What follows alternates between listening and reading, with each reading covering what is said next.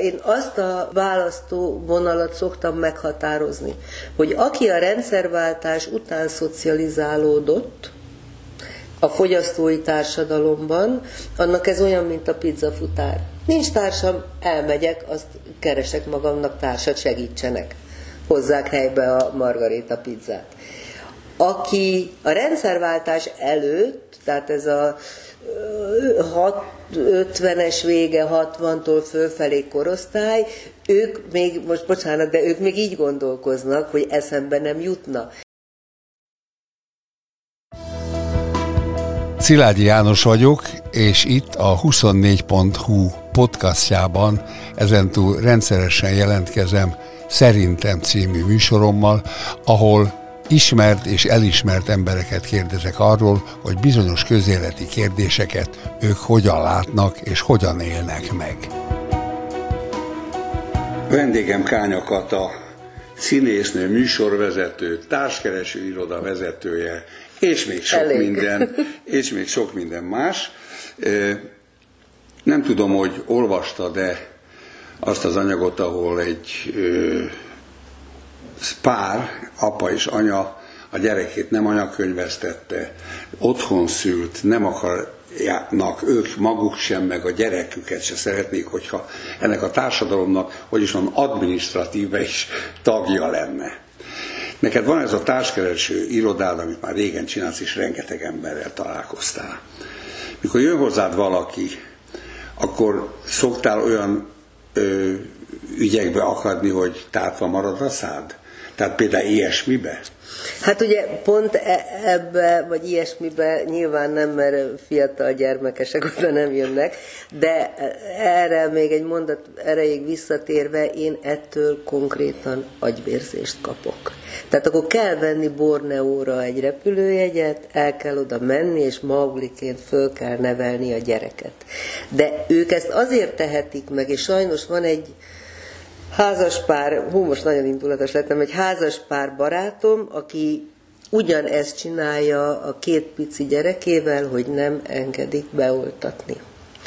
És ők ezt azért tehetik meg, mert az átoltottság az 95%-os körülbelül, és az átoltott gyerekek fenntartják az egészséget. Tehát azért nem lesznek betegek azok, akiket nem oltanak be, néhány ilyen elmebeteg szülő, mert a többiek be vannak oltva. Nincs kitől megkapni. Nincs ki, pontosan nincs kitől megkapni, de ez egy olyan felelőtlenség ma a globalizált világban, ahol elég felszállni egy repülőgépre, vagy kimenni egy vonatállomásra, ahol a világ bármelyik vírusa bárhol ott lehet bárkitől, hogy én ezt egyszerűen nem tudom felfogni, hogy hogy lehet. Most az, hogy administratíve, hát akkor el kell menni egy tári társadalmi együttélésnek vannak szabályai. Aki ezt nem akarja követni, az menjen el egy olyan helyre, ahol ez nem, Borneóra menjen el a dzsungelba, azt jó van, mert ott csak az oroszlánokkal kell megbeszélni, hogy hogy lesz a nap ugye? De hát ha egy társadalomban élek, utcán, házba, közműveket használok, mit tudom én, szomszédaim vannak, közösség van, ott nem lehet felvenni olyan szabályokat, hogy én kitalálom magamnak, hogy akkor én nem anyakönyvesztetem, nem oltatom, nem jár iskolába, nem mit. Ezek nem egy szekta tagjai, de valami közösség tagjai többen gondolkodnak így, és hát rengeteg szekta van a világon.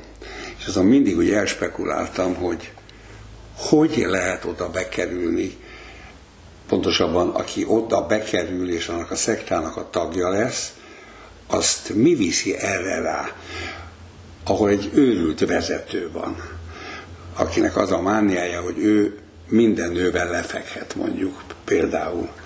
És fejet hajtanak a férjek, a szeretők, a barátok, csinált, hát ő a főnök. Emlékszel arra, amikor 20 évvel ezelőtt, vagy mikor még régebben Amerikában volt egy szekta, és ott a főnök egyszer csak azt mondta, cián kapszulákat Öngyilkosok lett mindenki. És 900 ember Igen. lett öngyilkos. A gyerekének előbb beadta, aztán ő is bevette. Igen. Csak azért annyit spekuláltam, hogy az embereknek az agyát hogy lehet átállítani a legrémületesebb dolgokra is. Mert van olyan ember, és mi is köréjük tartunk, hát mi ezt nem csinálnánk meg. Hát az nem létezik, hogy én ö, kínozzak egy kutyát. Miközben lehet egy olyan helyzetet teremteni, meg tudják úgy csavarni az agyadat, hogy örömet le egy kutya kínzásában. Hát mondjuk ezt nem tudom, ezt fenntartással kezelem én tudom, a kutyával, a kutyával a lábamnál, de hogy kérdezted az előbb az irodát, én ugye, hogy most ne ilyen szélsőségekbe menjünk, hanem így a hétköznap a fülön érhető dolgok, vagy fülön fogható dolgokba, hogy ugye nagyon sokan vannak, akik az ezotéria különféle irányzatait felvéve, különféle hát szerintem, ugye, a, a, tényleg az őrületekbe mennek el, és én mindig azt látom, hogy ez valami fajta menekülés. Tehát, hogy történik vele valami olyan tragédia, trauma, vagy esetleg olyasmi, amit te fel tudnál dolgozni, de ő nem tud feldolgozni. Valami segítség kell. És általában ez a segítség, ez ugye, mert az, hogy újra fogalmazzunk magunkat, hogy elinduljunk egy új úton, hogy felálljunk és, és leporoljuk a térdünket, bekötözzük a sebeinket és tovább menjünk, az nehéz.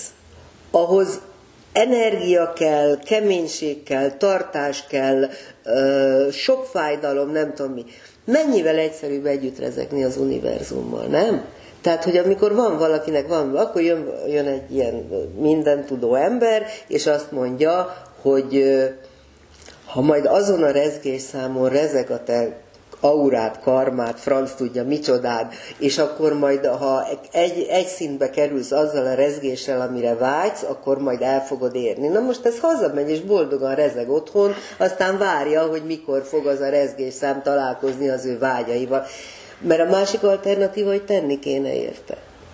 És azért az sokkal melósabb, meg nehezebb. És én azt látom, hogy nagyon sok ember azért aztán, hogy innen hány lépés az adott esetben, hogy szekta, vagy valami ilyen közös csoport, vagy nem tudom mi, aki a legnagyobb őrültségeket képes elkövetni, nyilván van egy út. Hál' Istennek nagyon sokan megtorpannak azért itt-ott, amott, de, de, de szerintem onnan nyilván kell egy affinitás, tehát azért olyan lelki alkatnak kell lenni, aki, aki hajlamos erre a dologra. Hát igen. Hozzád sok ember azért megy, hogy kedves Kata, keressen nekem egy párt, vagy hozzon össze valakivel, tudja, én nagyon szeretem az x-lábú nőket, akik hátrafele is gyorsabban mennek, mint előre, és akkor neked van egy ilyened, akkor ajánlom. De a kérdésem tulajdonképpen az, hogy gyakran előfordul, vagy már ebben gyakorlatod van, hogy a világon senkinek ezt a nőt, vagy ezt a pasast én nem fogom ajánlani. Hát ez hülye. Hát ez hogy gondolja, hogy én veszem a bátorságot ahhoz, hogy kiírjam a nevét az én oldalamra, és akkor jöjjenek őt keresni. Te, neked ilyen eseteid biztos, hogy vannak. Hányadik másodpercre, vagy hányadik órába jössz rá, hogy ez nyáros? Nincs, nincs, nincs János, én ahhoz nem veszem a bátorságot, hogy valakire azt mondjam, hogy ez létezhetetlen, hogy, hogy társa találjon. Nincs ilyen a világon. Tehát nem, most utoljára összejött egy pár, ezt elmondom neked, ott volt egy, két éve volt az iroda tagja, egy ilyen angol kisasszony típusú 40-es, két diplomás, vörös göndör, haj, szeplős, fehérbőr, hosszúkész, hogy egy nagyon elegáns csaj. És senki nem volt neki, és mindenkire finnyogott, és nem elég szofisztikált, nem elég elegáns, nem elég ilyen, nem elég olyan. Egyszer csak telefonált, halálosan boldogan, hogy és megtaláltam, és itt vagyunk, és boldogok vagyunk, és, és vett ki Kati a lapunkat, a, és nem tudtam, hogy ki a Pali. És akkor mondom, de kiről van szó? Hát ki? És akkor átvette az úr, aki egy volt kajak vagy kenó világbajnok, de régen, 22 évvel idősebb volt az angol típusú csajnál, És Rákos borzasztón volt kocsmáros. Mikor gondolod, hogy ezek összejönnek? A 20 évvel idő, én valaha mertem volna a rákos borzasztói kocsmárost ajánlani az angol kisasszonynak? Hát soha. Tehát azért mondom, hogy én ilyet ne, az, hogy nekem van belül egy véleményem valakiről, de az iroda működése annyiszor írta már fölül az én értékítéletemet, Érted? Meg egyébként is ki vagyok én, hogy, hogy ítéletet mondjak bárkiről. De hát, szóval, hogy ez borzasztó egyszerű lenne az élet. Nyilván, ha visszagondolsz a mozgalmas életedre, neked is volt olyan kapcsolatod, amire utólag azt mondod, hogy nem értem magam. Hogy hogy és mi, hogy, hogy kerültem öt méternél közelebb hozzá, de akkor valamiért rettenetesen vonzott. Nem? Ez így van, ez így van, ez nagyon jó példa. Most közben kattog az agyam, már egy eszembe jutott, de most... Biztos van több is. van több is. Miért van az, hogy az emberek a legkülönbözőbb módokat keresik arra, hogy egy társat, egy párt, egy partner találjanak maguknak. Mert például, ha már velem példáloztál, nincs az a pénz, hogy én bemennék hozzád. Nem tudtam soha elképzelni, hogy én úgy keresek valakit, hogy hirdetek az újságba, vagy fölkeresek egy társkereső irodát. Nem eleve gátlásos emberek tömegei kopogtatnak nem, nálad? Nem, ez úgy van, tudod, én azt a választó vonalat szoktam meghatározni, hogy aki a rendszerváltás után szocializálódott, a fogyasztói társadalomban, annak ez olyan, mint a pizzafutár. Nincs társam, elmegyek, azt keresek magamnak társat, segítsenek. Hozzák helybe a margarita pizzát. Aki a rendszerváltás előtt, tehát ez a 50-es vége, 60-tól fölfelé korosztály, ők még, most bocsánat, de ők még így gondolkoznak, hogy eszembe nem jutna. Ugyanakkor a világ hát azt te is látod, hogy milyen irdatlanul megváltozott. Minél fejlettebb egy város, annál többen élnek benne egyedül. Tehát ha ma neked ez nyilván nem problémád, de ha ma megkérdezel bárkit, aki egyedülálló és társat szeretne, hogy és akkor hol tudna esetleg ismerkedni? Hát most komolyan. Mert eddig még lehetett a villamoson meg a buszon mondjuk. De ma már felszállsz a villamosra, és azt látod, hogy leszeget fejjel az emberek nézik a Facebookot. Tehát még a tekintetük se tud összeakadni. Egyébként meg nincsenek helyek ahol ismerkedni igen, lehetne. Igen, Tehát igen. nagyon megváltozott a világ ebből a szempontból. Hát régen voltak házi bulik ugye, ahol elindultunk mi, meg akik még meg voltak hívva, menet közben találkoztunk a Lajossal, meg veled, akkor mondtuk, hogy gyere már, nincs kedved följönni a Gézához, nem ismerem, nem baj, gyere. És akkor máshonnan is jöttek, és összegyűlt 30 ember, akiből 20 nem ismerte egymást. Kérlek szépen egyik szilvesztert annó egyik kollégámmal a következőképpen múlattuk el, megálltunk a bérházakba, amin gangos folyosók voltak, szilveszter éjjel, és néztük, hogy hol van világos, és honnan, hol van buli. És becsöngettünk, és mindenki, szevasz, szevasz, ettünk valamit, ha ott volt valami. Öt ilyen lakásba töltöttük el a szilvesztert, egy helyen nem mondták azt, hogy ki vagy, vagy kik vagytok. Isteni. Hát ez isteni. Ma próbálnád meg, nem létezik, hogy működne. Félnek az emberek, bezárkoznak, nem mozdulnak ki. Hát én az irodában csináltam különféle programokat, mert ugye mindenki azon nyafog, hogy hát egyedül nem akarok sehova sem menni, meg az, hogy gondoltam, jöjjön oda, ilyen program, olyan program. Nem jönnek el. Nem jönnek el, mert már akkor kimozdulni meg, a miért, szóval, hogy, hogy egészen megváltozott az élet. És amikor te összehozol egy párt, akkor a te ügyfeled, mert egy ügyfeled van, hiszen a másikat kívülről emeled be a számára, számára kívülről jön, azt neked visszajelentik, hogy... Vagy igen, vagy nem. I'm happy. Vagy igen, vagy nem. Múltkor egy nyilvános helyen odajött hozzám egy hölgy, és mondta, hogy szeretne nekem mutatni valamit. És elővette a telefonját, és mutat egy fényképet, amin ott van egy hölgy, meg egy úr, és tudod így, amikor a, a vonszolják a tenger fölött ejtőernyővel a, az ember motorcsónakkal, és ott fröcskölt a víz, és sütött a nap, és mit tudom én, és azt mondta, nézd, ez az édesanyám 80. 78 éves volt, amikor elment a te irodádba, hogy jár neki még az élettől valami, és két évig nem találkozott senkivel, majd jött Béla, aki 82, és az egymásba szerettek, egy hét után összeköltöztek, mert azt mondták, hogy nekünk már nincs időnk arra, hogy itt várjunk.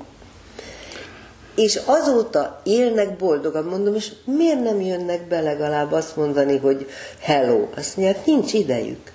Hát megállás nélkül úton vannak, és boldogan élik az életüket. Tehát onnan már elfelejtik a dolgot, vagy úgy érzik, van, aki igen, szoktam kapni esküvői meghívókat, és akkor nekem az a nász ajándékom, hogy nem megyek el.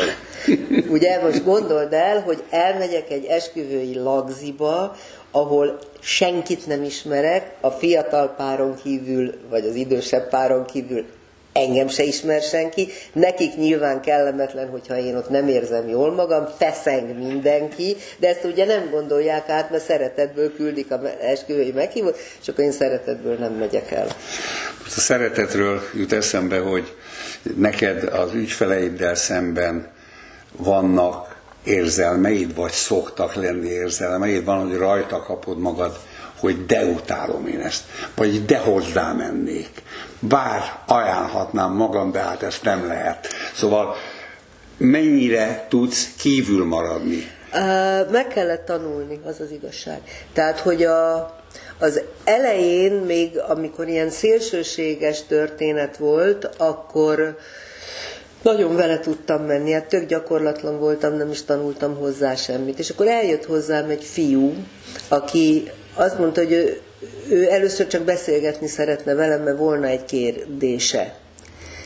És mert ő nem tudja, hogy keresene társat vagy nem, és akkor ő azt mondta, hogy hát az a helyzet, hogy én öt éven belül meg fogok halni. És akkor nem tudom, hogy most én keressek társat, vagy ne keressek társat. És ott ültem nyelvemmel a számba, hogy most akkor ez hogy? Vagy mi? Azt kellett volna mondani, miből gondolja, hogy magának öt év van még hátra. Igen, majd ha hozzád megy Jánoskám, akkor majd ezt mond neki. Szóval az nagyon megütött engem, és akkor arra gondoltam, hogy meg volt még egy eset, amikor addig éreztem egy nőnél, hogy valami van, amit nem mond el. És addig piszkáltam, míg kijött belőle, és kapott egy olyan megállíthatatlan sírógörcsöt, hogy majdnem mentőt kellett hívni. És akkor azt mondtam, hogy na jó, akkor nézzünk szembe a tényel, hogyha én ezt ilyen mélyen akarom csinálni, akkor nem lehet Hájok Kovács módjára csinálni ezt a dolgot, és akkor elkezdtem tanulni mindenfélét ehhez, és párterápia, mit tudom, elég sok minden, és akkor azért megtanultam ezt a három lépés távolságot. Tehát, hogy, hogy nem, nem lehet vele menni. Múltkor jött egy nő, és azt mondta, elmondta, hogy a, mit tudom én, ez a baja, az a baja, elhagyták ide, gyereke, utálja, nem tudom, minden baja volt, és akkor én mondtam neki, hogy mit gondolok, hogy kéne, mind kéne, és akkor azt mondta, tehát kicsit több együttérzést váltam volna mondta indignálódva. Mondom, nézd, ha akarod, én a nyakadba zúdulok, zokogjunk együtt, de avval neked nem lesz jobb. Tehát, hogy nekem nem az együttérzés a dolgom, hanem kinyitni neked egy ablakot, hogy gyere már ide, nézd meg innen ezeket, ezt a problémát, onnan azt a problémát. Nem gondolod, hogy esetleg lenne más megoldás? Tehát az, a részvét, az együttérzés, avval nem megyünk semmire. Azt a barátnők azoknak a dolga, meg a családnak, meg aki ilyen van, csak általában ezeknek az embereknek nem nagyon van. De az nem az én dolgom, sőt, az, az szerintem baj, hogyha én vele megyek a, az ő tragédiába érzelmileg. Az, hogy intellektuálisan, és megpróbálom őt belőle kihúzni, mert ugye mindig azt a példát szoktam mondani, hogy ha én, én versenyszerűen úsztam, tehát hogyha valaki a Dunába fuldoklik, beugrom, kihúzom. De hogyha én leszek rosszul a vízben, magamat nem tudom kihúzni a hajamnál fogva. Tehát, hogy itt az embereknek egy, egy kéz kell, amit én oda nyújtok, amiben bele tud kapaszkodni. És egy picit meghúzom. Nekem ez a dolgom. De az, hogy én beugorjak mellé a vízbe, az okogjunk együtt, hát annak semmi értelme nincsen. Hát ne zokogjunk Ne. együtt. Ne zokogjunk együtt. Én nagyon örülök, hogy a vendéged lehettem, vagy te az enyém. Én is attól köszönöm. Függ, hogy honnan nézzük. Kánya Katával beszélgettem, és megtudtuk, hogy szerinte hogyan viselkedünk, vagy viselkedhetünk olyan helyzetekben, mint ez a házaspár, akiről elindultunk. Köszi. Én is.